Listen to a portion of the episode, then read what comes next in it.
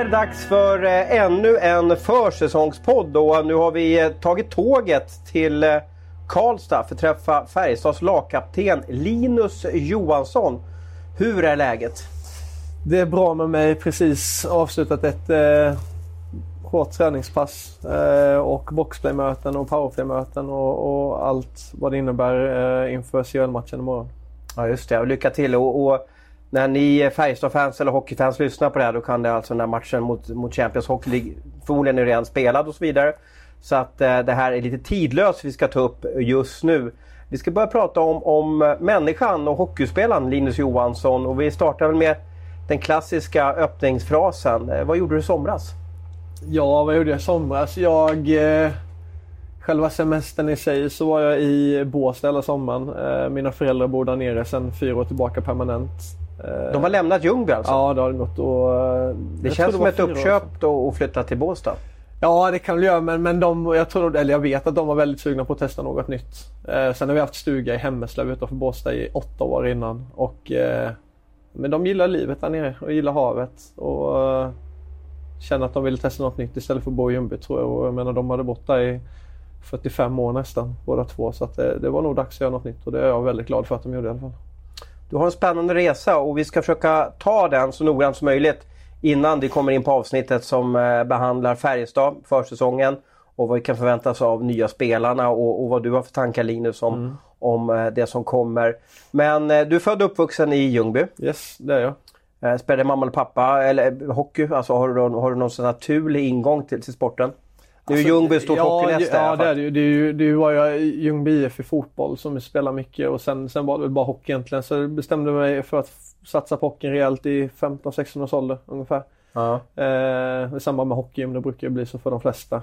Eh, och sen, eh, nej, sen pappa har spelat eh, när han var upp till 20-22 års ålder men det var, det var liksom i den här gamla division 1 södra serien med Värnamo hette de Okej. Okay. Uh, så att, så att det, var, det var rätt Var det Värnamo Moses? Var det så? Ja, eller? jag tror det ja, hette Värnamo Moses. Så att det, det, var, det var väl ingen riktigt, det var ingen elit, elitnivå på det sättet men det var ändå naturligt. Han älskar hockey.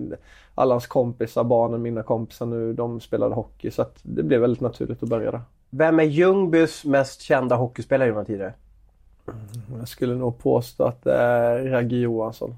Ragge Johansson? Med, tatt, med tätt intill med Mattias Weinhandel. Ja just det. Just det. För mig är nog Mattias Wein ja, ja, större kanske. Han kunde ju haft så mycket bättre karriär också. Ja.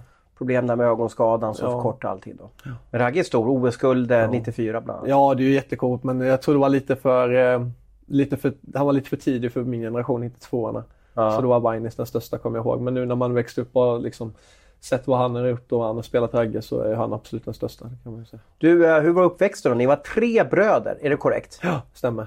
Mycket slagsmål där. Ja, det var det. Eh, lillebror Tom, född 98. Eh, Joel, min bror och storebror som är född 90. Som har spelat i Allsvenskan i Troja och eh, nu Örebro var han också ett slag. Sen har varit utomlands i 5-6 år nu i alla fall. Mm. Så det, nej, men det, var, det var en kul uppväxt och som alla andra Svenssonlivet med, med huset och, och man har polare man spelar bandy med och, och landhockey. Och, så det var väldigt, väldigt mycket hockey för oss när vi var unga. Du, eh, jag pratade med storebror och han sa att eh, du visar känslor idag men du kanske visade ännu mer känslor på den tiden. När ni spelade pingis, vad hände när du inte vann? Ja, det var, var väl någon gång. Jag, jag, jag kommer inte riktigt ihåg vad han sa efteråt men jag antar att han måste ha sagt någonting som var lite som fick mig Han vann då kanske? Han eller? vann och sen så drog han väl upp det i ansiktet på mig så då tror jag pingisracket och sulade i huvudet på honom. Vart du uppsöka sjukhus eller fick du utegångsförbud? Eller vad Nej, jag, jag, tror inte. Vi, vi har aldrig haft utegångsförbud i vår familj på det sättet. Det var nog en rejäl avhyvling bara och, och ja, få kolla över axeln nästa gång jag går förbi ett hörn så att säga så att inte Joel står där och väntade på mig. Tycker du att du visade vinnarskalle eller att du var en dålig förlorare? Då var jag nog en dålig förlorare på den tiden. Jag, tror, jag tror inte jag hade den eh, vinnarskalle-grejen när jag var yngre. Alltså. Du förstod inte liksom vad det innebar? Kanske? Nej, ja, men sen, sen tror jag inte... Just när man var liten, här U10 uppåt till jag vet inte, U14 någonstans innan man började bli liksom en pojke eller började växa på sig, bli lite större och starkare på isen. Så tror jag att då, då var det inte så mycket skillnad i klubbarna man mötte liksom. Men sen när HV som var en supermakt i Småland på juniorsidan. Liksom, när de började få in bättre spelare i sitt U16 uppåt så tror jag man halkar efter en liten bit där med den utbildning de fick gentemot den man fick i, i Troja lite. Mm. Eh, klart de sätter ju mycket mer pengar på sina juniorer och, och tränare och allt vad det innebär. Så, så jag tror att eh, jag var lite sen att upptäcka vad, vad man behövde göra för att vinna och, och, vad man behöver göra för att liksom, ja, stå på sig ute på planen. Du har alltid visat mycket känslor har jag förstått och, och vi sitter ju här i, i eh, Löfbergs arena. Det heter inte Löfbergs Lila Arena längre, det heter bara Löfbergs Arena. Och förra gången, eller senaste gången vi träffades, då grinade du nere i, i, i omklädningsrummet när vi sågs. Ja, det gjorde jag och det... Du kan väl berätta vad det var för sammanhang? Alltså jag, jag tror, jag tror det en, Det kan bli så ibland för mig. Jag, är man känslomänniska så blir det ju utanpå. Det finns inte så mycket filter. Eh, och jag är en väldigt känslomänniska, känslomänniska och eh, nej, men sen var det det här med att man missar sista avgörande matchen mot Djurgården, sjunde liksom i semifinalen. Man eh, fick inte vara med och påverka någonting och, och sen när man har spelat hela en säsong missat en, två matcher max under grundserien och sen får man inte vara med när det avgörs. Och sen slutar det helt plötsligt och det tycker jag, det, det tycker jag var så jäkla horribelt och då har jag väldigt svårt att, att hålla masken. Mm. Är, är du likadant när du ser en film också? Att, att du visar känslor eller ja. är det bara runt, runt idrotten? Som, Nej. Som... Nej, det är överallt hela tiden. Alltså jag, okay. Och där har jag mycket att tacka min mamma tror jag för. För att eh, hon är... Eh, det är väldigt mycket, alltså just med, och nu för tiden i det här 2019 när vi befinner oss så är det mycket snack med psykisk ohälsa och Patrik Berglund i Djurgården som jag tycker är ett otroligt bra exempel för alla idrottare och, och människor runt omkring. Eh, som visar att det finns psykisk ohälsa, det finns ångest även i idrotten. Och mamma har alltid sagt till mig att när man, när man känner sig att man har ångest eller man känner sig lite deprimerad att, att tillåta känslan komma till en istället för att man ska skjuta bort den. För då, då, liksom, då blir det en längre bearbetningsperiod efter istället. Så jag, jag tar gärna till mig känslan även om det är glada, ledsna eller att jag känner mig lite deppig så, så försöker jag ha det så, så länge det vill vara hos mig. Och sen så går det över lite snabbare än vad det brukar göra. Det här är ett ämne vi kunde prata om i två timmar och jag, jag ryser av vad du säger. För att jag upplever lite att idrottens värld i allmänhet, hockeyns värld i synnerhet, så är det... Jag vet inte om man ska böla ett omklädningsrum.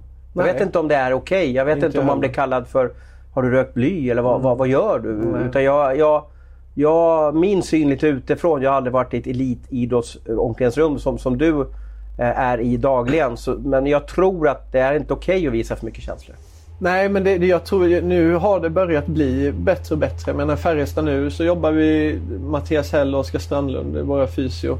Som har väldigt mycket att göra med egentligen allting utanför hockeyn och med skador och sånt här. Så då har vi liksom en sån här app vi går igenom varje morgon hur vi mår, hur man känner sig. Är man glad? Är man mindre glad? Och det börjar tas upp på en väldigt högre nivå. Vadå för app? Alltså, ja, men är, jag, jag, kommer inte ihåg exakt vad den heter nu. Men hur kan den... Pratar du med den eller har du något band runt Nej, du har, du har en sån här, du har en sån här så när du vaknar på morgonen så får man fylla i hur man sover och allting okay. och så får man fylla i en helhetsapp är det då. Så att du får lägga 1 till 10 hur du mår, är mm. du glad, har du sovit dåligt, är du... Mm. Ja, så man går igenom egentligen känslorna man har och, och hur pigg eller ont man har. Och då tycker ändå jag det är en rätt bra grej för att då kan de se det, ingen annan som ser det förutom dem. Men då kan de se, har man ett totalbetyg på 10 som är rätt lågt på den appen så betyder det att något är fel. Är det inte lätt att man bara trycker 10, 10, 10, 10 och sen bara, jag orkar inte Ja, så kan man göra också. Om man vill. Men, men jag tror inte det är många som gör det i laget för att det, det, ja, den finns ju som ett hjälpmedel och jag anser att den är så bra för att har jag en dålig då kan de se det. Och då mm. kan jag ha någon att prata med istället för att man ska uppsöka dem utan att, att de kan se något. Så jag tycker mm. det är en jättebra grej. Och, och, jag tycker att det visar att de, att de tar det på allvar. Mm.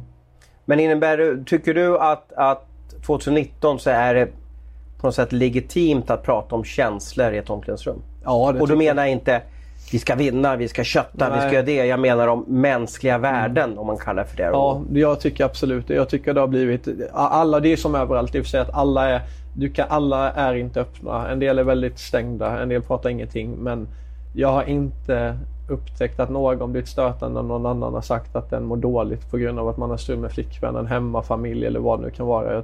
Jag anser nu och jag tycker att det är många som stöttar varandra nu när någon har det jobbigt. Jag tycker inte alls det är på det sättet. Utan man kan skilja på när man behöver stå upp på planen istället för att vika sig gentemot att man är ledsen i ett omklädningsrum och kan få hjälp av en kompis.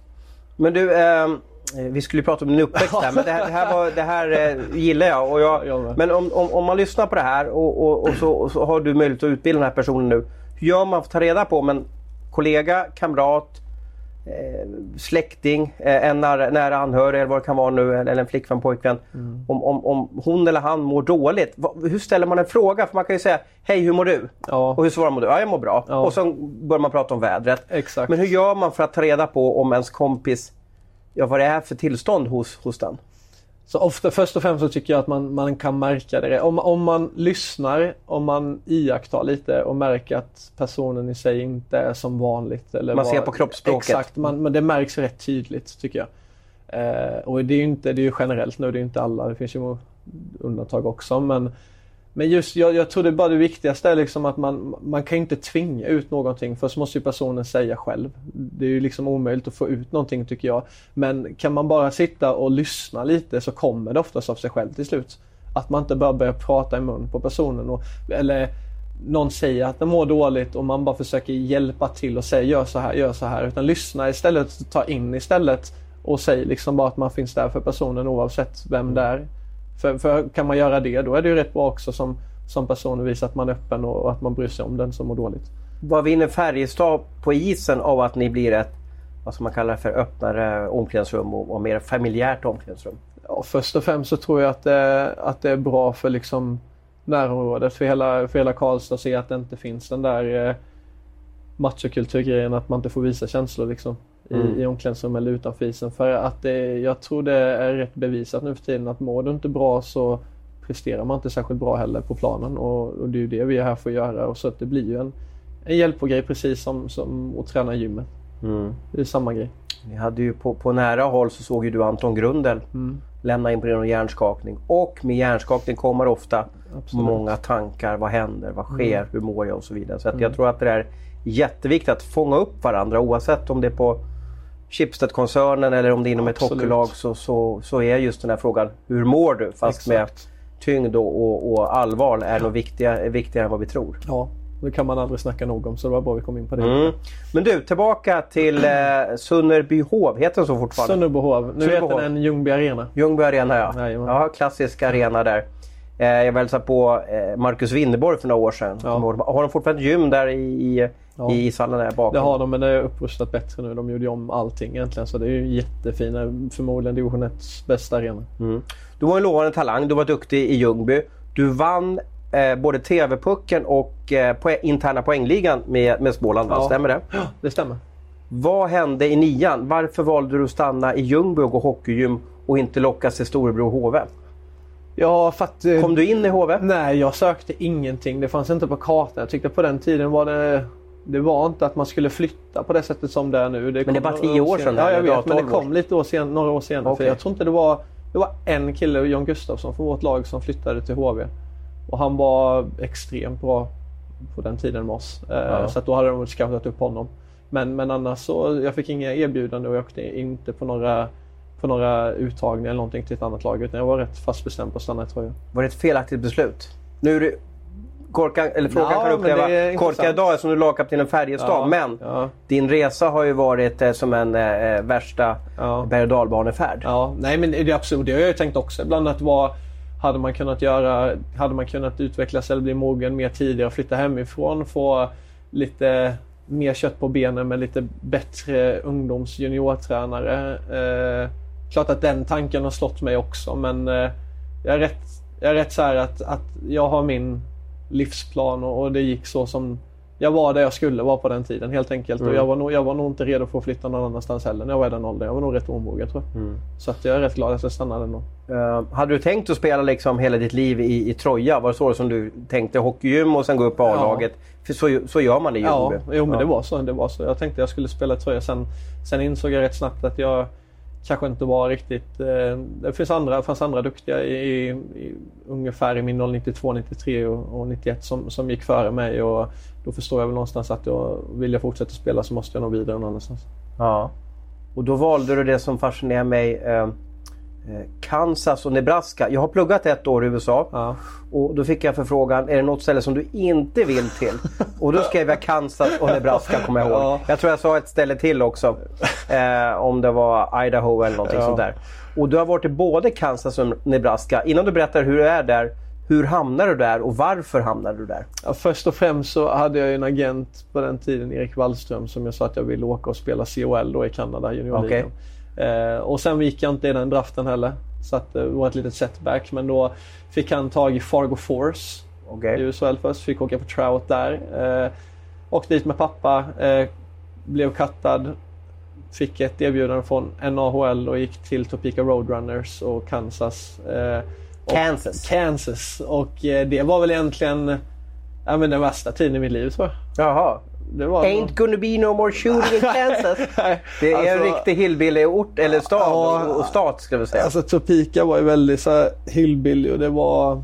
Nej, det var inte min grej. Och som sagt, än en gång så tror jag inte jag var mogen nog att göra det heller. Men jag tror att det hjälpte mycket på något sätt för att man fick se de här skogstokiga tränarna som kastar Och du som är känslosam. Ja, det kan man fråga sig hur det gick ihop. Men det gick ju inte ihop heller å andra sidan. Jag fick ju avsluta där och åkte hem i, i januari, februari. Men Varför var det din värsta tid då? Nej, men just att jag, jag åker dit, man bor i sån här billet family, klassiker. Eh, bor med två andra amerikanare, är rätt okej då liksom. En Sen- familj eller? Ja, en familj. Okej. Två stycken äldre. Mike och Karen. Som ville ha ett extra barn eller hur var det? Ja, de, de, är väl, de har väl sina till klubben så sätter de väl upp sig som så här billet family eller bonusfamilj Mm, som mm, man kan bo hos. För man kan ju inte bo själv när man är i den åldern i Nej. ett annat land. Eh, men eh, ja, men det, var, det var speciellt alltså. Det, det var... När de blev kattade, mina två rumskompisar eller huskompisar, då var jag själv kvar. Då fick Okej. jag bo själv kvar i det huset och liksom umgicks inte med någon. Och, Nej. och jag gillar ju att snacka med folk och är rätt Ja. social så det krävs ju rätt mycket för att jag vill, ja, jag vill ha det. Eh, och, sen, och sen hade vi en tränare, Scott Langer hette han och det var också en av de sjukaste tränare, eller den sjukaste tränare jag haft i hela mitt liv. Och, Va- varför var han... eh, Varför passade han inte dig? ja, nu för tiden så hade det gått bättre för då, då hade jag ju bara stängt av och, och skitit i han helt och hållet och bara lyssnat på vad han säger på isen egentligen. Men, men det var så mycket. Det var att de skulle läxa upp och det var det var utskällningar och det var möten och att man är värdelös. Och det var saker som jag, jag tyckte var, det var tråkigt att vara där bara. Man Det, blev det var urtypen av vad vi ser en, aha, en kanadensisk eller amerikansk tränare. Nu är det inte så längre va, men, men om vi backar bandet så känns det som att han har varit en dinosaurie som har överlevt Ja. liksom, den här moderna Ja. utvecklingen på, på ledarskapet. Ja, absolut. Och det passade inte mig alls på den tiden. Och, då kände jag att då, då drar jag hem istället och spelar klart i J20 i Troja den säsongen. Och, eh, Men du hade någon incident med tränaren som, som du kan delge som, som, som eh, du kan skratta åt efteråt men som du tyckte att ja, när det väl hände att det här är ju katastrof. Ja, först det var inte med Scott Langer. Det var med Harry Mahone hette han den eh, andra tränaren. Var det han uppe i Nebraska eller? Nej, det var i, eh, i Topeka. Okej. i Kansas. Och då hade, de, då hade vi möte och vi hade spelat, vi hade sån Teddy Bear Toss Night. Okej. Så när vi gör mål så kastar de in massa Teddy Bears på isen. Och eh, vi gjorde inga mål under med 4-0 eller någonting inför andra perioden redan. Och då så höll vi, hade han ett videomöte under periodens, periodpausens gång och sen kommer domarna in och säger nu ska vi matchen börja. Och han säger nej det skiter jag i. Så tog han alla våra klubbor vi hade i laget och kastade dem på oss när vi satt och kollade på videon. Och då, jag hade inte en aning vad jag skulle göra. Mhm. Så då fick vi två minuter, sen fick vi gå ut på isen utan tränare. Ja, han vägrade att komma ut Ja, alltså? det. Gjorde ni några mål då i den, i, den Ja, jag hade, Okej. hade nog mitt första poäng efter Okej, men 22 och laget gjorde mål också? Laget gjorde Okej. mål där. Så, så Kanske det- funkar bra utan han i båset? Ja, det gick fan ännu bättre så det var skönt. Ja, ja. Men vad lärde du av den här tiden? Men du måste ha halkat in på Nebraska på något sätt också där? Nej, Nebraska, det var, jag blev, nej jag var aldrig där faktiskt. Okej. Det var så att jag blev, de Jag tyckte det såg ut så på Elitsporten. Ja, det, det står det. Men jag tradades dit. De tog in mig på kontoret, Scott Langer och Harry, och så sa de att nu tradar vi dig till det här laget i Nebraska, eh, Nebraska istället. Och då sa jag att nej, men jag skiter i att åka dit för att nu är jag så less på det så jag vägrar. Och då var de ännu argare på mig också. Men då packade Kallade de dig för Swedish Chicken? Var det så? Ja, det var värre saker än så. Okej. Det vill jag inte ens ta upp här, men, men det, var, det var inget roligt alltså. Så då, då packade jag bagen och sa nu åker jag hem istället. Det. Men du, hur kunde du ta dig ur då? Det kanske var lätt alltså. Jag, det är inte så lätt att bara dra hem. Det skulle ju vara flyg och allting men ja, det kanske löste sig. Vi köpte det själva. Mamma och pappa betalade till mig och åkte Aha. hem för att jag, då mådde jag inte bra. Ja, de måste ju tyckte det var hemskt också. Att, ja. Nu är det inte äldsta son men första sonen som flyger ut ur boet ja. och så blir det sådär. Ja, nej de tyckte inte det var kul samtidigt som att de ville att jag skulle kämpa lite och vara kvar och det gjorde jag så länge jag kunde kan jag säga. Mm. Mm. Har du någon kontakt med tränaren idag eller har du sett var de är någonstans? Hade, eller? hade han varit i en klubb som jag skulle till så hade jag tackat nej direkt. Mm. Jag vill aldrig träffa den människan igen. Han kom ju inte så långt, det är en ganska låg liga där i, Nordamerika ja, i alla fall. Men hur gick det hockeymässigt? Du, du måste ju ha varit ganska duktig där med tanke på att du spelar på hög nivå i Sverige? Eller, eller fanns det så många duktiga hockeyspelare där borta? Eller var det en annan typ av hockey som inte passade dig? Jo, men det var nog också en sån där grej att det var, det var en annan typ av hockey. Jag var lite, jag var lite mer så jag tog inte för mig så mycket. Jag bad om ursäkt för många saker och jag jag var, jag var inte den... Jag, var, jag skulle inte varit där egentligen tror jag inte. Jag var, jag var för omogen helt enkelt. Hade jag kommit till ett annat skede eh, så hade det förmodligen gått väldigt mycket bättre. Och, och, så som jag står idag så hade det varit mycket tryggare. Men du, eh, mörk period. Men, men, det hände ju någonting här under kommande åren. Mm. Vilken säsong och i vilken klubb kände du att Ja, men jag kan det här. Jag, jag, nu har det vänt. Nu är jag på gång igen. Jag hade, jag hade en tryout. När jag kom hem så hade jag en tryout med tröja i A-laget. Okay. Patrik Ross var tränare då. Men då, då spelade jag typ, jag vet inte, 15 byten på 8 matcher eller någonting på försäsong. Så jag fattade att inte jag skulle vara kvar. Okay. Eh, då tänkte jag sluta först. Eh, och var rätt, nej, men jag var rätt less på det liksom. Och sen så var det två kompisar, Jonathan Tolander från HV och Daniel Bertov från HV. Han spelar i Rögle nu. Mm, mm. Eh, så var de i Nittorp utanför Jönköping. En liten, liten, liten by. Mm, mm, med ett mm. hockeylag som var i division 1 hade gått upp. Och då sa de fan kom hit och spela lite istället. Och ha kul ja. Och ha kul. Och så tänkte jag ja men jag ska, ja men jag gör det. Det är fortfarande rätt roligt. Och gick dit och, och det var skitkul att spela. Och vi var inte alls så bra men vi hade en, en bra femma som funkade och vi kunde producera, vi hade roligt tillsammans. Och, och, och sen under den säsongen så kom jag till Olofström. Och då kvalade de upp mot Allsvenskan. Och jag tror efter två matcher eller någonting i den här, vad heter det nu? Inte fortsättningsserien, heter inte divisionen, men kval uppåt, playoff-matcherna. Mm. och det var inte jag... kvalserien till... Nej, det var, det var liksom kvalet till kvalet. Okay, playoff till kvalet. Ja, exakt. Mm. Och, då, och då helt plötsligt så hade jag, jag tror jag hade sju poäng efter två matcher okay. när jag kom dit och kände så här, shit. Så jag, är, jag är rätt duktig liksom. Och så var det någon, i, Tommy Samuelsson, back i laget, som sa så Ja men nu har du varit här i, i, en vecka och du, du kommer ju få ett allsvenskt erbjudande denna säsongen så då hinner du representera tre klubbar. Mm. Och då kände jag att shit, ja det kanske kan spela allsvenskan snart också. Mm. Och någonstans där såddes det ett litet frö för mig. Vad var det som hände? Var det mentalt eller var det att eh, fysiken hade på något sätt liksom växt till sig? Eller Fick du ordning på grejerna eller vad, vad, vad, vad Då var, var det bara mentalt. Då var det mentalt? Ja, de, de tränarna där, Andreas och sportchefen Simon Skog eh, gillade mig väldigt mycket och jag fick spela direkt i, i första femman med Marcus Gunnarsson och Thomas Fahlqvist. Mm -hmm. eh, och då kände jag så att de tror på mig från start liksom. Och, och någonstans så kände man så att nu, ja, nu är jag på gång, nu ska jag visa och, och det gjorde jag från starten. Mm. Och sen hamnade du i Storhamar. Mm, så ett och ett halvt år var det i Olofström okay. och sen gick jag till Storhamar.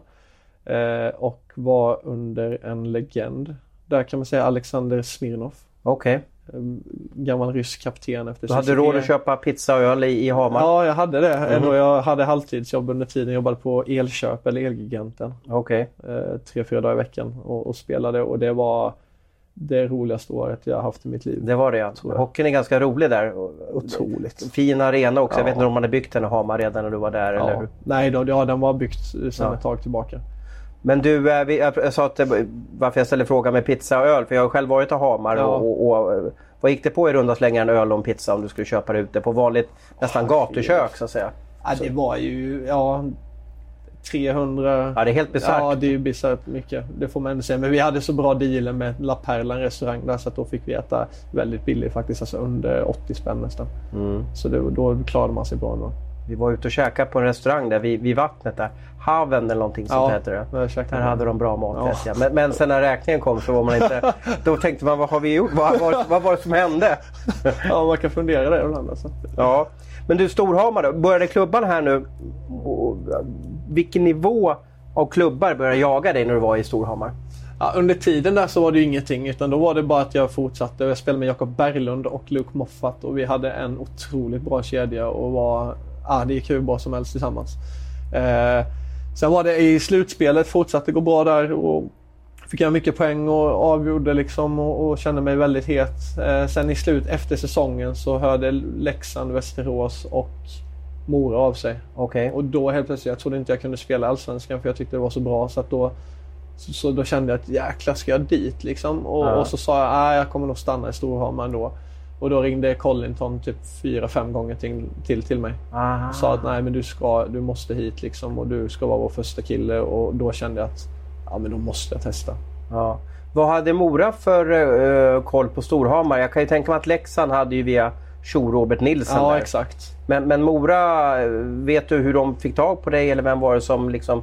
Var det någon som var kolla eller or- orkade Colleton åka över gränsen till... till... Ja, Han, han förklarade efter att han hade kollat väldigt, väldigt, han har kollat nog tio slutspelsmatcher på, på video. Du ser Eh, vad noggrann han är. Ja, alltså. han är ett sånt proffs så att det är Mm. löjligt. Eh, Det förvånar mig inte att han är där han är idag för övrigt. Eh, Men ibland undrar jag om inte Mora och Leksand skuggar varandra lite på, Jaha. på värvningar. För Okej. Det känns som att de alltid, är ute samåker. efter, de är alltid ute efter samma spelare. Till slut känns det som när de, är, när de är i samma serie i alla fall. Eh, Men eh, nej men Mora, det, det var nog Collington och Peter Hermodsson som eh, fick reda på mig där och eh, ja, ville verkligen ha mig. Och det var jag jäkla glad att jag tog det steget ändå efter bara ett år i Storhamar. Hade du tänkt att vara kvar eller kände du liksom mogen att nej, men nu, nu vill jag hem igen och nu, nu vill jag liksom utmana mig själv på, på en hög nivå? Ja, och det var där det började att jag ville utmana mig. Vad kan jag gå för? Vad kan jag göra i Allsvenskan? Och, och gör jag det bra där, vad kan hända då? Det började sådana tankar och samtidigt som jag började träna extremt mycket hårdare än vad jag har gjort innan det. Så just året innan jag kom till Norge tränade jag hårt och året innan jag kom till Mora tränade jag väldigt hårt. Mm, mm. Eh, Mora då, det blev ju ett år. Du gjorde, eh, om Elite Prospect stämmer, 28 poäng på 35 matcher. Eh, eh, eh, men den största incidenten under den säsongen måste ju vara att du blev utvisad för biting enligt Svea Hockey. Berätta för våra lyssnare, vad, vad, vad var det som hände? Ja, det var, jag kommer ihåg eh, Jeremy sa till mig när vi mötte Karlskoga så sa han att eh, nej men nu, han vet ju att jag kan nog vara hetsig också så sa han nu vill jag att du ska vara på isen, jag vill inte att du ska hålla på med skit och då sa jag att nej det, ska, det bestämmer jag mig för, jag ska spela hockey då. Eh, och sen så kommer jag ihåg framför mål var blockering och, och Westner, hockeydomare nu tror jag. Mm. Ja, Du kanske råkar ut för honom om något år här. Ja, vi får se. jag vet inte om han är i Allsvenskan men han gör en kometkarriär Du, som han domare. gör ju det och det Mm. kan jag tänka mig. Eh, men, eh, men då började han putta och han slog mig några gånger, två gånger i ansiktet har jag för mig. Och att, ja, jag stod där och tänkte jag ska inte göra någonting tillbaka. Då kommer jag få ge- Jeremy i hälarna så det, det ska jag inte göra. Och sen så gjorde jag inget tillbaka, då blev han ännu mer frustrerad och då tryckte han upp handsken i ansiktet på mig och sen eh, liksom ett finger i handsken i munnen. Men alltså eh, handskfingret eller hade han någon öppning? Han hade någon öppning, hela handsken Hela var inne i munnen. handsken, så en, ett finger i handsken rök in i munnen. Okej. Och då har du ju såna här, i handskarna har du ju skydd men sen har du ju en glipa också. Liten öppning där. Exakt, så Mm. när jag fick in det så jag hann inte tänka någonting faktiskt så då bet jag egentligen allt vad jag kunde. Va? Och då så drog han av sig handsken och, ah, och visade alla att nu har det hänt någonting. Och, och sen så fick jag, och sen tog det lite tid och domarna sa, ja, ja så säger de i, i spiken så här, ja nummer, vad fan hade jag där då? Nummer 36 i Mora, Linus Johansson utvisning för biting. Och hela läktaren säger fighting! Vad fan, han slår ju inte ens tillbaka! Det var bra dalmål där Ja, ja, var det. Alltså, sen sa de biting, jaha, och då var det lite liv efter. Men du, eh, du sa att du, du skulle hålla dig kall. Hur gör man som hockeyspelare för att hålla sig lugn när en sån som Westner eller Jämtin eller Ledin, alltså de här som är väldigt duktiga på... Ja. Westner visste ju om säkert, ligg på... eh, Hade du 26 eller 36? 36. Ligg på 36an. Ja. Hans proppar går direkt. Ja. Det, det vet ju han om. Han har ju en hitlist i, i, i sin bok Ja, där. Men hur gör man i ditt läge för att hålla sig cool? Vad har man för Alltså, tricks? eh, Ja, det är väl mest att förbereda sig mentalt. Får jag reda på det innan matchen så vet jag ju att okej, det kommer vara mycket idag. Så att nu, nu, nu måste jag bara mentalt förbereda mig. Det kommer hända mycket, ge inte mycket tillbaka. Men tacklas och kör hårdare liksom. Ja. Men Vet- går det om han trycker upp eh, hjälmen bak? Ja, du vet. Och sen... Ja men det funkar, det funkar. Men det var just det här med handsgrejen i munnen. Liksom. Det, då, det, det var rent instinktivt. Jag kunde liksom inte behärska mig. Och det kommer jag göra igen om det händer, det tror jag. Mm. För att det, jag hann inte tänka någonting utan jag bara bet. Mm. Och det roliga efter den här incidenten, man måste tillägga, det är att på ryktesvägar har jag hört att efter matchen eller perioden så bet Wessner sig själv i fingret också för att skicka in bild till, Jaha. till tidningar eller till någon jävla Vi- vi måste- avstängningskommitté. Ja, så precis. detta vill jag att du tar upp någon gång med Wessner. Och och, och, kolla, här, för- du menar för att förstärka skadan? Ja, alltså. för att det skulle Behövde han ta någon ut. stelkrampsspruta? Nej, jag tror inte det. Nej. Jag tror inte han Men vad fick du för straff då? Kommer du ihåg det? Två matchers avstängning utan böter. Okej. Så det tyckte jag var rätt fair faktiskt. Vann Karlskoga matchen för övrigt mot Mora? Nej, jag Det tror gjorde de inte. Så han lyckades inte. Det är ju inte så att han, han Wessner vill ju inte jäklas för att liksom vara dum i huvudet utan han, han har ju en mission. Så är det. Du är att störa dig och du Ja. var en duktig spelare. Du Ja. ledde säkert en kedja där. Få bort honom från matchen och vi har större chans Ja. att vinna. Det är ju så han tänker. Exakt. Få- få- Får jag eh, Linus Johansson att tänka på något annat under några sekunder, då har Wessner vunnit. Ja, exakt. Och det, och det är det han har gjort bra i sin karriär och varför han har varit en hemsk spelare att möta antar jag. Så att, Ja. Eh, ja, det var bra. Vad lärde du av biting-incidenten då? Ja, jag vet inte om jag lärt mig så mycket om jag ska vara ärlig. Men, men jag har förstått, det det är det som är grejen, hur man ska hålla sig på, på, en, eh, på en nivå som jag, när jag spelar min bästa hockey då handlar det om att jag är mycket känslomässigt investerad. Är inte jag känslomässigt investerad i min ishockey så är jag inte bra. Så jag måste hitta den här gyllene gränsen mellan att vara liksom få ligga på utvisningsgränsen hela tiden för att vara bra hockeyspelare. Mm. Eh, Så, att, så att jag tror, jag vet inte om jag lärt mig särskilt mycket men, men ja, det är väl just det. Du får inte det, göra dumma grejer. Nej, dumma grejer jag, har jag inte gjort så. Jag har inte gjort någon Biden-grej eller något liknande efter det. Inte något sånt där. Blir det svart hos dig? Blir det svart i ögonen? Blir det så? Alltså när, när, när... Ja, det, ja, det kan det ju bli. Och, och, och det, är väl det, det är väl det vi försöker, och det är väl det jag, jag försöker jobba med också. Liksom, att, att just hitta balansen. Att när det är svart, försök vara, li- tänka lite rationellt. Liksom. Ska man räkna eller 1, 2, 3? Ja, eller det ska är man det. tänka på sin inte. mormor? Eller vad ska man göra? Ja, pennan har sökt till mig att han ska slå mig i bakhuvudet eller någonting. För att du ska vakna till? Ja, typ sätt? att så här, Okej. Ja, men, men det, nej, det, det är ju väldigt, det är det är svårt det där att hålla den där lågan i liv och vara så bra och det har vi världens bästa exempel på med Peter Forsberg.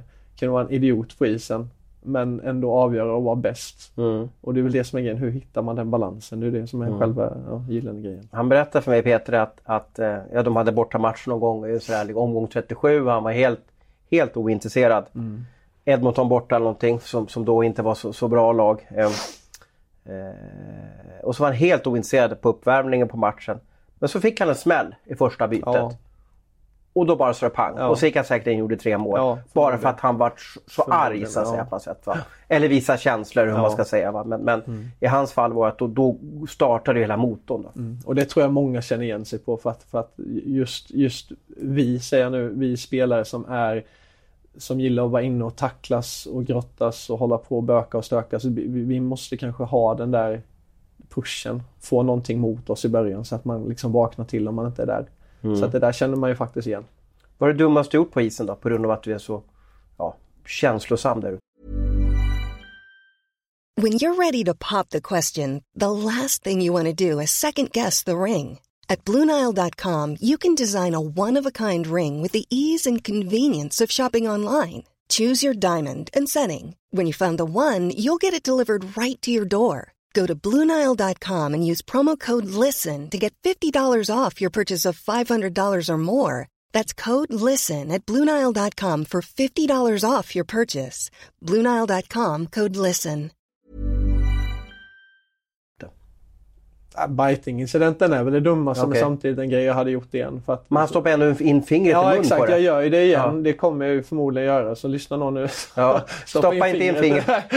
men eh, nej men så, så mycket dumma saker har jag inte gjort. Jag tycker jag är rätt... Eh, Men det är inte dumt att stoppa in fingret i munnen på någon? jo det är jättedumt gjort av honom. Det tycker jag. Det är ju skitdumt För då får han ju ganska farligt tag på det. Ja också. väldigt. Allting blir ju farligt där. Men, men själva grejen, nej jag har inte liksom, jag har inte- inte ofta, jag har nog inte fått någon checking, gjort någon checking to the head utvisning som var helt vansinnig. Nej, Och det är ju galnare så att säga. Liksom. Ja det tycker jag ju för det är mycket farligare men nej sånt har jag hållit mig undan men det är väl mest att man börjar fightas lite på isen i så fall. Mm, mm. Känslor behöver vi för övrigt måste jag säga. Jag Ja, älskar jag när, när det inte är, är tio robotar som rör sig. Jag, Exakt. jag, jag tycker att det är kul när, när det är eh, lite tjafs vid målet Ja. och, och sådär. Ja, Får vi inte se det så tror jag att eh, hockeyn kan dö lite. det tror jag också. Du och sen blev det Djurgården, två år. Eh, varför Djurgården lite kort? Eh, ja, jag hade Djurgården och Växjö hade jag som val. Eh, Växjö, du kunde ha varit svensk mästare eller? Ja, vad? det, hade jag, ja, det vet man ju inte. Jag kan ha stört allting. Ja, ja. Men eh, nej, det hade jag eh, runt jul i Mora och eh, bestämde mig för, för Djurgården för jag tyckte att de Ja men de, Robban Olsson var delaktig där med. Jag vet vad han hade gjort i Frölunda de har fått fram många bra spelare och talanger och utvecklas. Och det var väl egentligen därför jag valde dem. Jag tyckte att det var bäst utvecklingspotential för mig. Vilket lag hade du som favoritlag när du var ung? Ja, alltså det var ju, jag hade inte så jäkla mycket favoritlag när jag var ung, men jag tyckte alltid de här topplagen, man, man blandade ju rätt mycket. Stefan Otta Nilsson är ju vi som har spelat här. Mm. Han, han är vår familj, kompis med hans familj liksom, så att då, då var jag alltid Färjestad. Och då började jag hålla på Färjestad. Sen så Ragge var ju Färjestad också. Ragge var i Färjestad, så det vart ju lite Ljungby-grej där med Färjestad. Sen, sen, höll man, sen höll jag på Djurgården, jag tyckte det var så coolt med arenan och klacken. Mhm. Och, och, så man var ju väldigt påverkningsbar där när man var ung. Jag vet inte hur mycket man bestämde sig själv, men då var det mest de coola sakerna som gjorde att man höll på lag. Men överlag så var jag inte särskilt idrottsintresserad heller när jag var liten. Om jag ska. Nej. Vad hände under de här två åren i Djurgården? Vad lärde du dig? Vad var det som gjorde att du, du gick från att vara en allsvensk spelare till att bli en, en duktig SHL-spelare? Ja, först och främst är det ju för att jag inte, jag, jag bestämde mig någon, jag vet att jag bestämde mig rent liksom nästan tidpunktsmässigt innan jag kom till Djurgården att nu ska jag inte, be, nu ska inte be om ursäkt liksom att nu måste jag ta den här chansen. Nu är jag här då. Nu är jag här, jag kommer till SHL helt sjuk tänkte jag. Nu måste jag visa att jag ska vara kvar här och inte bli utlånad efter en månad eller någonting till ett allsvenskt lag utan nu måste jag visa fram fötterna och det får kosta lite vad det vill nu i första månaden. Men hur menar du det? Att du tog plats i omklädningsrummet eller att du skulle ha... Ja, Var du andre center där eller vad var det? nej då, fjärde center. Du var fjärde, du var så långt ner i hierarkin. Ja. det Du gör ju hyfsat med poäng i alla fall. Okej, Ja, helt okej. Vi hittade en bra line. Spelade med Mikael och Henrik Eriksson. Sen Kalle det var en riktig brunkarlin. Det var en alltså. riktig brunka, men vi hittade vårt, vårt spel som, som, som jag tror att som jag vet att de använder rätt mycket nu fortfarande med, med spel bakom mål och förlänga Mm. puckar och, och vara stark på puck. Eh, nej men just det, inte, inte ta för onödigt mycket plats i omklädningsrummet. Jag tar nog med plats tror jag utan att göra mig till. Men, Mm. eh, men just att liksom på träningarna och inte be om ursäkt för att jag vinner närkamp eller du vet att jag går in lite blygt. Utan jag går in med full kraft istället och visar att jag vill vara här. Och det tyckte jag gjorde hur bra som helst första månaden när jag kom till Du Djurgården. gick in och tacklade Brodin och Hultström. Ja, allihopa. Och jag brydde mig, då kände jag att då brydde jag mig inte för att nu måste jag måste visa att jag vill vara här och, och förtjäna platsen. Mm. Du, eh, och sen var du lite jagad, jagad efter andra säsongen där. Mm. Hur, hur tänkte du? Det är inte så många som väljer att lämna Djurgården för Färjestad. Det finns en rivalitet där. Mm. Ta oss igenom eh, så att lyssnarna får, får känna till det. Hur, hur tänkte du där på, på våren 2018? Ja, det vart ju, vi, vi snackade lite fram och tillbaka, Djurgården och jag och eh, de visste inte hur det skulle bli med Marcus Ljung där, om han skulle stanna eller lämna. Eh, Andreas Engqvist var fortfarande lite oskrivet kort med sin hjärnskakning Mm. han fick den säsongen. Eh, och då, då vart jag rätt så här, ja men kanske... Då kan Ska jag få- stå och vänta? Ja, det vart lite så sen, ja men kan jag få en andra tredje centerroll här kanske? Sen var det klart att Ljung skulle lämna och då vart det, ja men då kanske jag kan gå upp och ta en andra centerroll. Och sen så hörde jag att Josefsson skulle skriva på eller kanske Mhm. komma hem och då blir det ännu så här, ja men jag, oj, jag vill liksom, nu känns det som jag stampat här och jag har gjort jättebra andra säsonger, Mm. speciellt efter vinter. Nu vill jag liksom ta nästa steg. Eh, och då kan jag inte riskera att ha och börja spela 12 minuter per match igen. Eh, Då hade, kunde du haft Josefsson, Engqvist, Davidsson och Ljung framför rent dig också. teoretiskt så hade det kunnat vara så. Eh, och då, och då så, så kom eh, Peter Jakobsson in och, och berättade vad han ville med mig i Färjestad och då var det ju egentligen inga tvivel.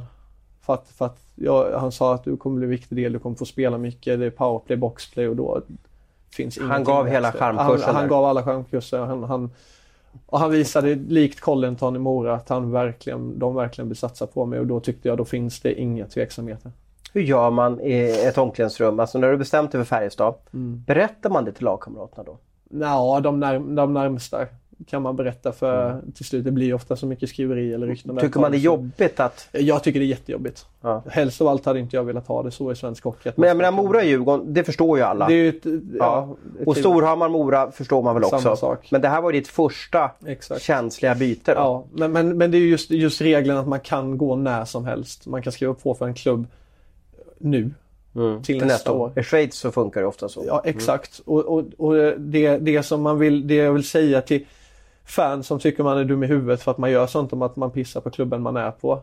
Jag förstår att man tycker så, men man måste tänka att får du ett erbjudande av en annan klubb utomlands eller i samma liga som ger mycket bättre lön kanske, mycket bättre roll, mycket bättre allting ska bli lite bättre för dig där du kommer. Mm. Kanske ha två dagar på dig att bestämma dig. Då måste man göra ett aktivt val på den tiden. Mm. Du kan inte sitta, jag kan sitta, jag kan sitta och tänka, ja men jag kanske gör ett jättebra slutspel men det vet inte jag om. Nej. Jag kanske inte får den här chansen genom dem, de kan gå vidare till nästa spelare. Mm. Det är det som är grejen, man måste göra ett aktivt val egentligen när man inte vill göra ett val under en brinnande säsong. Mm. Så det är ju jättetufft. Och det här kan vi jämföra med om det är en, en rörmokare som kan byta firma och få en dubbel lön. Ja och, och, bättre verktyg eller vad man ska kalla det för. Ja. Vilken rörmokare tackar nej till det? Nej, och det, och det är det som är lite, det är det som är lite grejen. Jag tror ju när folk kommer i den situationen så, så står man med sig själv helt enkelt. Mm. Vad är viktigast då? Och nu får du inte ljuga för mig. Är det rollen i det nya laget eller är det vad du får in på bankkontot? Just nu senaste åren så har det utan tvekan varit rollen. Okej. Okay. Inget snack Men vill du inte köpa klockan, bilen, jo, huset? Jo, absolut. Men jag, jag tänker lite kallt nog att jag kanske kan göra det inom några år. Okej. Okay. Och, och, det är inte så att man känner dåligt för det nu. Men jag känner, känner liksom bra ändå. Men, men, men just, just ekonomiska har absolut, nej, ing, inte en procent chans att jag har spelat in faktiskt. Nej. Men du, kan man bli lovad en roll, måste man inte förtjäna en roll i ett lag? Jo, och det är det som är själva grejen. Det är, rätt, det är en rätt stor fråga också. Och det var det vi snackade om också när jag kom hit. Eh, jag tycker att blir man lovad en roll från start så ska man få en chans i två månader, en och en halv månad. Du ska spela dig bort från rollen? Ja, jag ska spela mig bort från rollen. För man, man, kan inte, man kan inte som sportchef gå in och lova fyra center att du ska första andra center. Mm. Då gör man ett dåligt jobb. Man, mm. måste, man, måste, man måste sätta dem man tror på. Två centrar, er tror på, ni ska spela det här, bla bla bla. Och då måste man få chansen att göra det tills man spelar bort chansen och inte ha det. Och den, den dagen kommer ju om man inte presterar. Mm. Så att det sätts ju press på en själv men samtidigt det är det, det är det sporten handlar om. Det handlar om att leverera. Mm. Sen kom du till Färjestad eh, och det blev väl med fasta hand så var det väl ett bra byte för dig? Ja det var det utan tvekan. Spela jättemycket. Eh, ta stor roll. Spela eh, landslaget? Spela landslaget. Tre turneringar var jag med i. Var sjuk sista i och för sig. Men eh, fick vara med tre turneringar med landslaget och kände verkligen att eh, ja, men börjar bli liksom få, få en respekt med sig. Eh, så att det var, det var precis vad jag ville att det skulle hända. Ja. Nu blir vi vald till... Eh, ni åkte ut för övrigt i, i, i semifinalen i match 7 mot mm. Djurgården där. Eh, var den vi, vi såg senaste gången där mm. i den här arenan då. Så ni var ju ytterst nära att gå till final i alla fall. Det ja, ju... och det var vi absolut och det slarvade vi bort kan jag tycka i match 2 och 3 mot dem. Mm, jag vet inte om jag såg det. Jag kommer ihåg sista matchen här, den, den, alltså match 7 här, den kunde ha gått hur som helst. Ja, det hade det kunnat göra. Så det var... Jag skrev ju snabbtext under matchen och då blir man som man vill förbereda. Ja, man älskar ju en match när det står 3-0 ja. till ett lag som man direkt kan. Men det här var så att man inte alls... Och sen Nej. gjorde de två snabba, Djurgården gjorde två, sista, eller ja. två snabba i sista perioden då. Och då sjönk det lite. Ja, det var ju så. Men, men nej, det var otroligt rolig semifinal. Och kvartsfinal mot HV också otroligt roligt. Gick till, till sju matcher också. Ja, det var helt... Eh, nej, det var, det var ett sjukt kul slutspel. Mm. Och nu är du lagkapten för Färjestad. Ja. När är, eh, vill du vara lagkapten? Jag, jag, kan tänka mig att inte din, hur du är som person och människa inte passar att vara lagkapten. Nej. För att du kan bli hämmad, att du inte kan visa känslor. Är jag ute och cyklar då eller? Nej, jag förstår hur du tänker. Och det är väl det som är själva grejen också. Det där man får jobba sig lite med sig. Jag kommer inte ändra mig hur jag är. Det är omöjligt och det sa jag till dem också när de frågade och det ville de inte. Men eh, just att man eh, ska, att man, att man Ja, varför kan man inte vara lagkapten om man visar känslor? Det är väl mer att man måste hålla, jag måste hålla och jobba mig själv lite mer med, med kanske hur jag pratar med domare eller pratar med, eh, nej framförallt med domare så. Att man har en bättre relation där kanske. Du hade ett A i fjol. Ja. Är du rädd för C? Alltså, det finns ju några spelare som har som inte har funkat med ett C på. Ja, att, nej, det att, finns många som inte har funkat med ja. C. Och det vet jag faktiskt inte. Jag, men jag har inte tänkt på det. Jag har inte satt någon press på mig på det sättet riktigt. Jag känner bara att, att de tar mig för att jag är den jag är som lagkapten. Och jag, jag, ska jag börja ändra mig, då är det fel val. Vad har du för förebilder då? Vad har du för ledare vad har du för ledare på isen som du ser upp till, som du försöker ta efter?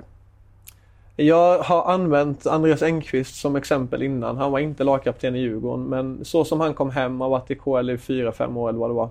Eh, liksom gjort sin grund, har tjänat sina pengar. Lätt att vara rätt nöjd när man kommer hem till SHL och känna att det är skönt att spela hemma bara. Men han, jag kommer ihåg när han kom hem, han, vi hade lagmiddag och lagfest och han satt sig med ungtupparna, 17-18-åringar, pratade med dem i en halvtimme. Han satt med mig i en timme. Han satt Och frågade hur du mådde och sådär ja. Allting. Pratade om allting hela tiden. Och man kände sig så jäkla uppskattad av en sån spelare man har så stor respekt för. Och bara där kände jag att oavsett om han har ett A eller C eller ingenting på bröstet så, så var han en superstor ledare för mig och det är sån jag vill vara. Och det, nu går du och pratar med de nya killarna och försöker fånga upp dem. Och, och. Ja, det pratar med de nya killarna men, men just att man pratar med, som sagt, eh, ge tid till alla. Inte för att de vill ha tid av mig, det säger jag inte. Men att jag säger att jag vill ge tid till alla. För jag Men känner, hinner du det? Blir du inte helt slut när du kommer Nej, härifrån? jag är, jag är social sen innan så jag känner Okej. inte. Det är ju bara att man inte... Det är klart man umgås med någon speciell eh, efter hockeyn eller privat. Så är det ju Ja. alltid. Men, Vad har du för bästis i laget då? Nej, Daniel Wiksten hänger jag ju extremt Okej. mycket med och hans tjej Emma. Okej. Vi, är- vi är, ja, jag hänger mycket och jag är singel så Ja just det, eh, så du får, du får äta mycket mat här Jag får äta som. mycket mat och de erbjuder mig allting kan man säga. Så att, Ja. Vad- varför valde eh, Geron och Johan och, och, och Peter dig? Vet du det? Vad var det som... När, när du, fick väl in, du blev säkert inkallad på tränarrum och så berättade de Ja. hur de ser på det här. Vad, vad, vad, vad gav de för signaler till dig? Alltså det var ju men det var ju framförallt att de, att de sa att de gillar vad jag står för. De, de tyckte att jag, att jag var en ledartyp förra året i, i slutspelet när, när vi behövde det. Och, eh, en bra kille utanför och som sagt eh, kan umgås med alla och prata med alla och de, och de tycker att jag, att jag förtjänar att vara lagkapten i Färjestad. Mm, mm. Du är inte bara lagkapten i, i, i Färjestad också, du är den som är musikchef. Är det korrekt? Mm. Att det är din Spotify-lista som går? Eh, berätta lite här. Jag, som jag förstått det så är det inte bara liksom din typ av musik utan du, du kan blanda och ge precis allting. Allting. Nu senast har jag haft en crush på Evert Taube och Fritiof och Carmencita. jaha. Som jag lyssnar på. Och du spelar gitarr också, eller? Ja, gitarr spelar jag med. Jag börjar bli lite sämre på det tyvärr. Eh, Det försvinner bort i vardagen lite men, men eh, egentligen så hade jag velat ha både pianolektioner och gitarrlektioner. Ja. Och, och Du låter ju som ett drömkap för en tjej. Hockeyspelare, tjäna pengar, Det finns andra visa, sidor. visa känslor, kan spela gitarr, eh, sjunga Carmencita. Ja, jo, när man lägger fram det så. Det, det blir bra vinklat för mig i den här podcasten. Men, men eh, nej, men jag, jag, tycker det, jag tycker det är roligt. Som sagt, det, det, det är all, all, all musik. Jag älskar Ja. all musik verkligen. Fast jag, jag har träffat många hockeyspelare och när jag, när jag hör dig berätta om dig själv så, så vet du sjutton om jag träffat någon som du förut då. För att du är lite mer mjuk av dig. Får jag kalla det för det? Ja, ja, men jag är, jag är mjuk. Utanför så är jag extremt mjuk.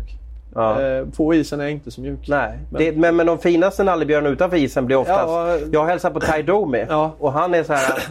Hello! Och Ja. vet världens ljusaste röst. Man bara, vänta nu, var det han som var där ute Ja. alldeles nyss? Det kan man inte tro. Nej. Men det är det jag menar och jag, det är det jag, jag uppskattar det på isen med. Man kan, jag, hade, jag kommer ihåg förra året mötte Luleå och man möter Erik Gustafsson, liksom stentuff back. Ja. Och vi höll på och vi hade något byte i deras zon i 45 sekunder där vi inte brydde oss om pucken. Vi stod bara och pucklade på varandra hela tiden och fällde varandra upp igen och höll på. Och man är hur mycket fiender som helst på planen och sen efter matchen liksom gå och hälsa och säga fan bra jobbat, det är så stort, bra, bra Mm. arbete liksom. Men det är väl idrottens och jag älskar gentlemannareglerna? Ja, jag älskar det. Liksom, går man inte över gränsen fullständigt, det kan ju hända att folk gör det också, då förstår jag att det inte kan vara tjenis efter. Men, Mm. men just när man, när man krigar för sitt lag, för sig själv på isen och för föreningen på två olika håll, då är det ju det som gäller. Men efteråt så jag, jag kan inte sitta och säga att jag hatar någon efteråt på isen, för det gör jag inte. Nej. Eh, vi ska fokusera lite på Färjestads lagbygge. Ja. Eh, du, du spelar i tröja 59. Ja, Varför då? inte en aning. Inte en aning. Nej. Jag tror du skulle säga att min mamma var född då eller Nej, någonting sånt där. ingenting. Men har du, du fick bara tröjan eller? Nej, de ringde och sen så sa jag att jag skulle ha ett nummer och så sa de att det var i taket. Var nummer var det då? Jag kommer inte ihåg vilket det var. Nu kommer jag inte ihåg vad Ja, de har ju 20 nummer Ja. Ja. Och sen så sa jag att jag skulle ha... Jag tänkte att men jag kör 16 men då hade jag Alexander Johansson där då förra året. Så då Okej. var det inte det. Alltså får jag vad har ni för nummer egentligen? Okej. Så sa han ja, bla bla bla och så 59. Så ja men 59 kör. Okej. Så det var ingen rolig story Nej, bakom det alltså? Men det har ju blivit lite om, om du blir en stor spelare och kör 10 år 59 så kan det bli ditt nummer. Du vet man Ja, reflekterar vet. ju alltid 77, Ja. 88. Men, men sen har jag alltid nummer haft- fem, Håkan Ja. Loob och så vidare. va? Men sen har jag alltid haft en grej att jag tycker det är kul att starta något nytt om jag kommer till en ny klubb som gick Okej. från Djurgården Du har aldrig haft ett favoritnummer alltså? Nej, men, jag tycker att det- 47 då var, det var min tid i Djurgården och jag älskade min tid i Djurgården. Men när jag kommer till Färjestad så måste jag börja en ny, en ny, en ny era liksom. En ny era startar. Och en ny era startar ju nu när du är lagkapten för det här Färjestad. Och de har ju haft en otrolig försäsong. Eller fel, silly som alla SHL-klubbar har. Eh, jag, ska räkna upp lite tapp här. Det är under 2019. Anton Ja. Grundel, Grundel fick ju lämna in. Eh, vi har eh, Jesse Virtanen som såklart blev KHL-proffs. Oskar Sten, Boston. Vi har Fabian Zetterlund, Joakim Nygård, Mikael Wikstrand som har lämnat för KHL och NHL. Och så Theodor Lenström som valde Frölunda. Ja. Hur- Hur kände du när du fick... Får man sms som spelare att, från någon typ av eh, spelargrupp så där på WhatsApp att ja, nu är han klar för den? Eller hur får du info när en spelare har lämnat Färjestad? Men vi är väldigt öppna med det efter säsongen. Okej, efter säsongen så ja, berättar man. ofta så blir man får reda lite, om man är bra kompis med någon så är det klart att det kan komma ut som överallt att man pratar lite. Men, men vi är väldigt öppna. Att, så här, "Ah, vad händer för dig nu? Ja, men jag tänker jag drar nog till KL. Mm. Och, det är, ju- alla fattar ju valen. Det, jag tycker inte det var några konstiga val. Men blir inte du orolig? Oj, jag Nej. måste också dra nu, nu, nu, nu innan skeppet sjunker här. Ingenting. Det var samma sak när jag lämnade Djurgården också. Mm. Hur, fan, hur ska vi ersätta Marcus Ljung och sticker Linus med och så ska vi ersätta Ville Varakas. Men, Mm. men det kom in nya spelare. Det blir bra där också. Samma sak kom till Färjestad. Dick Axelsson försvann. Asplund försvann. Det var jättemånga duktiga spelare som försvann. Det är så här det Lik- funkar nu. Lik förbannat så kommer det nya spelare som fyller... Har man en röd tråd i föreningen i spelet så kommer de nya spelarna in och det är riktigt bra spelare vi har värvat också. Som, som gör att det funkar igen. Och- Vilket tapp upplever du som är tyngst av de här? Uff, det är en extremt svår fråga. Är det det? Men en Ja. bra fråga kanske? Det är en eller? jättebra fråga för alla extrema frågor. är Bra Mm. frågor.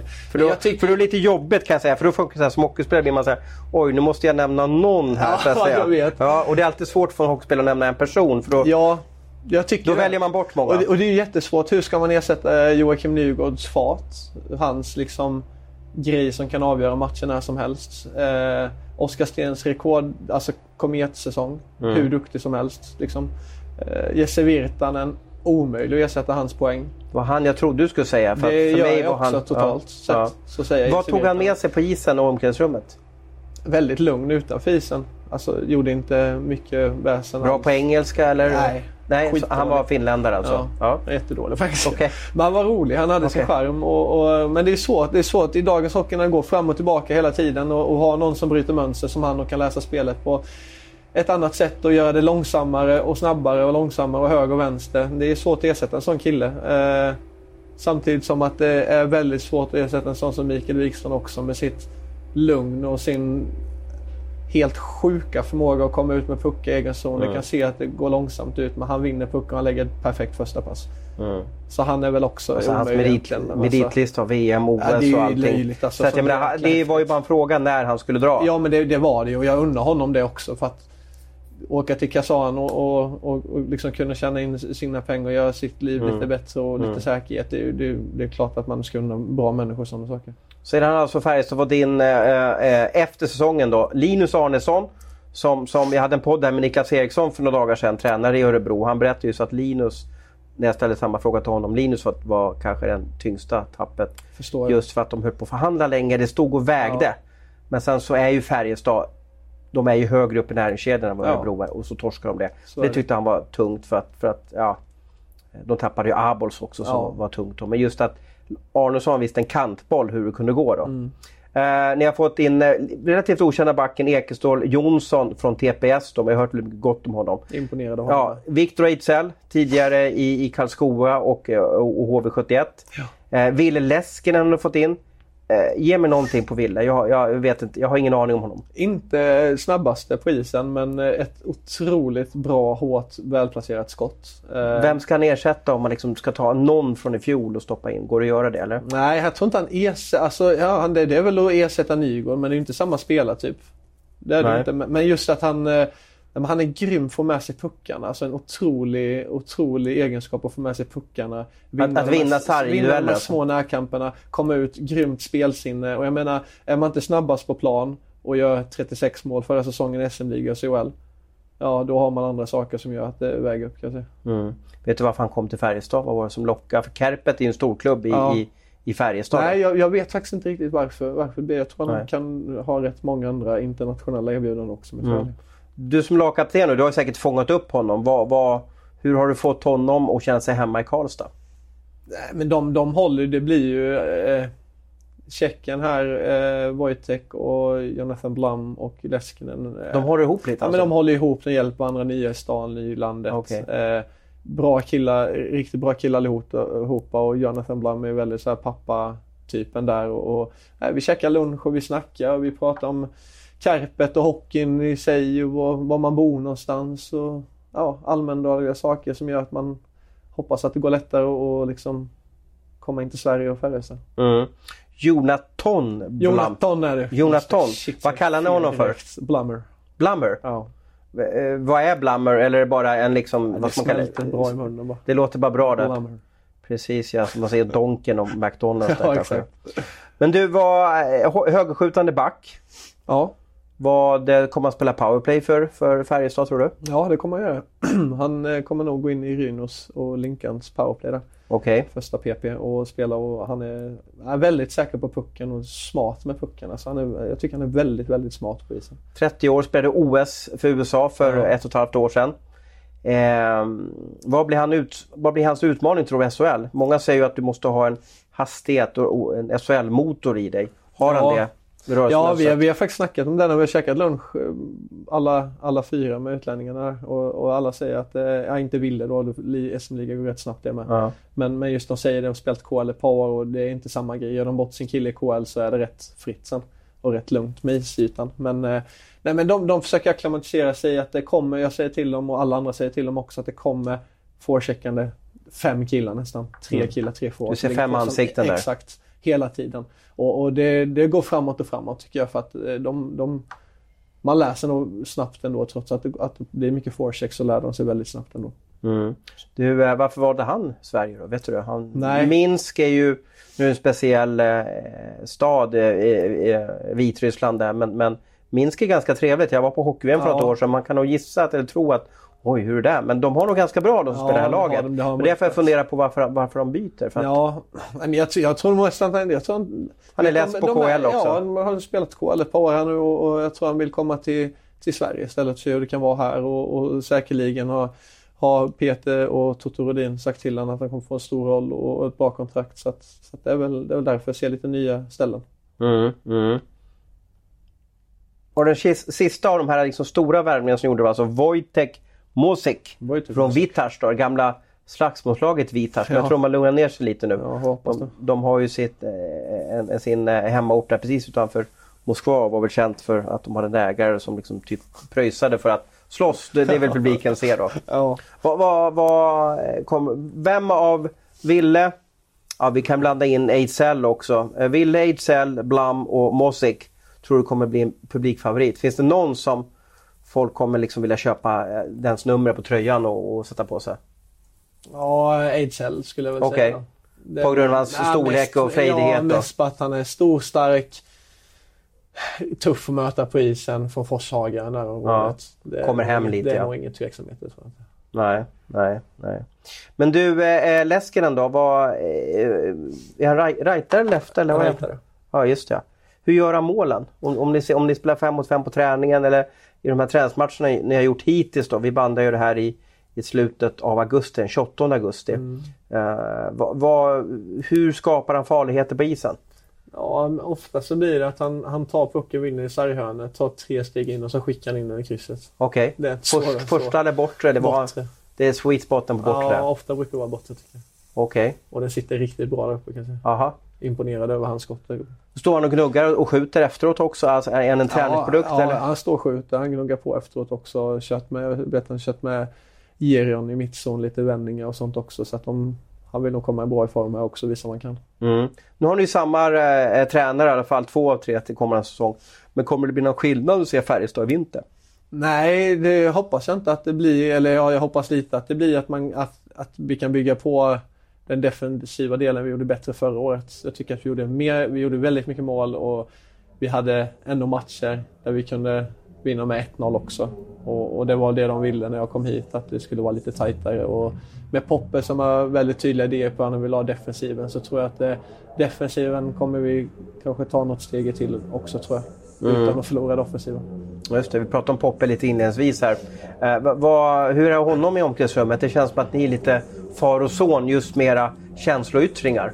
Vem, ja. är som, vem, är det som är mest... Är du, är du känslosam, är du yvig som han är med händerna? Nej. Jag, gör, jag liksom slår Nej. ut med händerna nu. Nej. Okay. Det, det, där är väl han. Där är han nummer han ett är, ja. Han är nummer ett. Mm. Nej, men han är så härlig för att han är verkligen... Han går in och det kan vara tyst på ett möte och lite liksom på morgonen och sen helt plötsligt så går han ner och känner målgest på golvet och bara skriker rakt ut. Och alla blir ju gapskratta i omklädningsrummet. Och bara, kör han mycket gubbar fortfarande? För det var ju hans favorituttryck nästan i Tre Kronor. Ja, gubbar. men det kör han ju fortfarande. Mm. Men, men, det, är mycket, det är mycket det kan hända när det är som tystast. Så allting är som lugnast så kan han komma och så gör han en målgest mitt på omklädningsrumsgolvet och ingen fattar någonting och så börjar alla gapskratta. Så det är otroligt kul måste jag säga. Har du mött honom i tennis? Inte, jag är skitdålig på tennis. Okay. Ja, jag hörde så, att han slår de flesta här i Karlstad. Ja, Lillis, Marcus Nilsson spelar mycket tennis. Han är okay. duktig och, och Penna spelar tennis okay. också. Så de har väl någon, en trio där tror jag som spelar. Du, tillbaka till isen. Eh, I fjol då, ni gjorde en bra säsong. Ni följer på mållinjen till finalen. Det får man inte säga någonting om. Men, men om du pratar om en tajtare defensiv. Men finns det på något annat sätt ni kan bli ännu bättre, ännu tuffare, ännu jobbigare? Och, och ja, ni siktar ju på Le Mat. Det är ju det som alltid Färjestad ja, siktar på. Ja, så är det. Ja, men det, jag, jag tror att... Eh Alltså framförallt som sagt med defensiven, offensiven, allt med det innebär. Men jag tror att det viktiga är att man tar med sig erfarenheter från slutspelet förra året. Ligan är okej, man, man vill vinna. Det är kul att vinna ligan, men det är inte det som är den största grejen självklart. Det är att vinna det match. Mm. Eh, just att ta med sig förra året i semifinal mot Djurgården. Det var att sådana, ja du vet ju själv på Hovet, det är offside mm. på två meter. Mm. Mycket fokus som riktas på domaren. 15 pers då mm. och, och pratar med domaren eller skriker mm. på domaren. Mm. Det är en grej vi måste ta med oss också. Att vi måste kunna fokusera hur jävligt den är. Sluta gnälla på domaren. Ja, Men det är måste... du som ska göra det nu. Exakt, och jag är största boven av dem alla också. Så det, det är ju skönt att man vet någonting. Man vet exakt vad man behöver göra annorlunda. Och, och det är sånt man försöker jobba med. Så även där, hitta balansen. Man måste kunna påverka och snacka på ett bättre sätt självklart. Sen får det inte... Sen, sen, sen kommer det inte vara kanske sådana extrema grejer som det blev förra året med, med bedömningar vid målområdena. Mm. Och, och men det blir väl alltid så? Och sen det blir såna... 13 kameror ja, som man kan se det Jo, priser. men det blir så. Oavsett så tror jag att vi, vi måste, det är en grej vi kan lära oss av som mm. jag tror att vi kan rikta. Att ge domarna lite... Ja, lite... Och, rikta, och kanske ta det efteråt i så fall.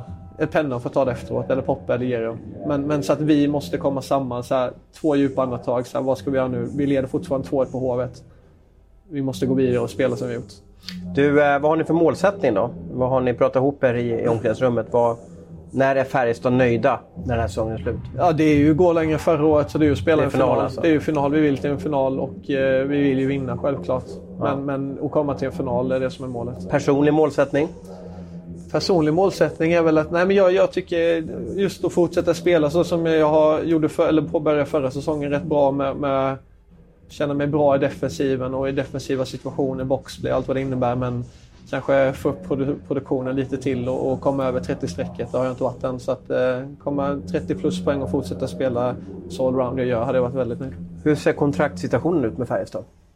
Ja, nu har jag ju denna säsongen ut. Okay. Och, och, vi har pratat lite men, men, vi, ska ta det, vi ska ta det lite senare. Det, det blir lite för mycket nu i upptakts med SHL och så och allting. Det blir ja. så mycket vid sidan om nu så att nu vill man mest fokusera bara för att komma igång och känna sig pigg och fräsch på isen och sen får vi ta det lite längre fram. Om man, skulle, kan jag tänka dig att skriva fem år alltså med Färjestad för att ja. ha den säkerheten i Sverige. Men sen har du säkert öppningar för utomlands? Ja, det, absolut. Jag, jag, som sagt, jag, jag trivs jätte, jätte, jättebra i Karlstad och jag hade gärna kunnat stanna här och sen kan man aldrig sätta någonting i betong eller cement. Men, men just att jag trivs väldigt bra här och det, det, det är en säkerhet för mig i alla fall att jag vet vad jag vill spela med och vad jag är Vi ska börja avrunda men, men jag måste lyssna med i somras här. Hur nära NHL var du i somras? Ja, det var ju ett beslut. Eller om jag du hade ett, ett kontrakt på bordet? Ja, och, och um, om jag skulle åka eller inte. Och det, kom ner till magkänslan. Jag kände, kände på det lite och en dag, två dagar och sen så kändes det till slut att jag ville stanna i Färjestad helt enkelt magkänslan. Okay. För att, gick du in på den här Vill du berätta vilken NHL-klubb det var? Nej, det kan jag hålla. Ja. Men gick du in på NHL-klubbens roster och kollade vilka du skulle... Alltså, ja, jag okej. kollar och så lite kompisar och, och lite spelare som varit där innan och kan förklara i ligan liksom hur är de Mm. och, och så här. Och då klart man kollar lite och, och sen så, vill man, så kollar man också med deras GM och allting att vad ser ni mig som och, okej. och det här och då, då tyckte jag att kan jag göra ett, ett bra år till i Färjestad så kanske jag får en ännu bättre chans.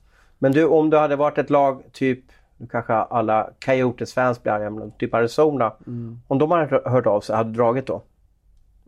Nej, det, blir helt, det beror ju helt och hållet på vilken roll jag skulle få. Mm. Alltså vad de ser mig som. Ja. Det är ju inte heller sett i, liksom, sett i sten där borta att man får exakt den rollen de säger. Men, men på pappret innan man åker måste det vara en bra roll för annars känner jag att Nej, jag, jag, jag trivs så bra här och jag vill inte slänga bort någonting jag har här för att, för att bara chansa liksom helt och hållet.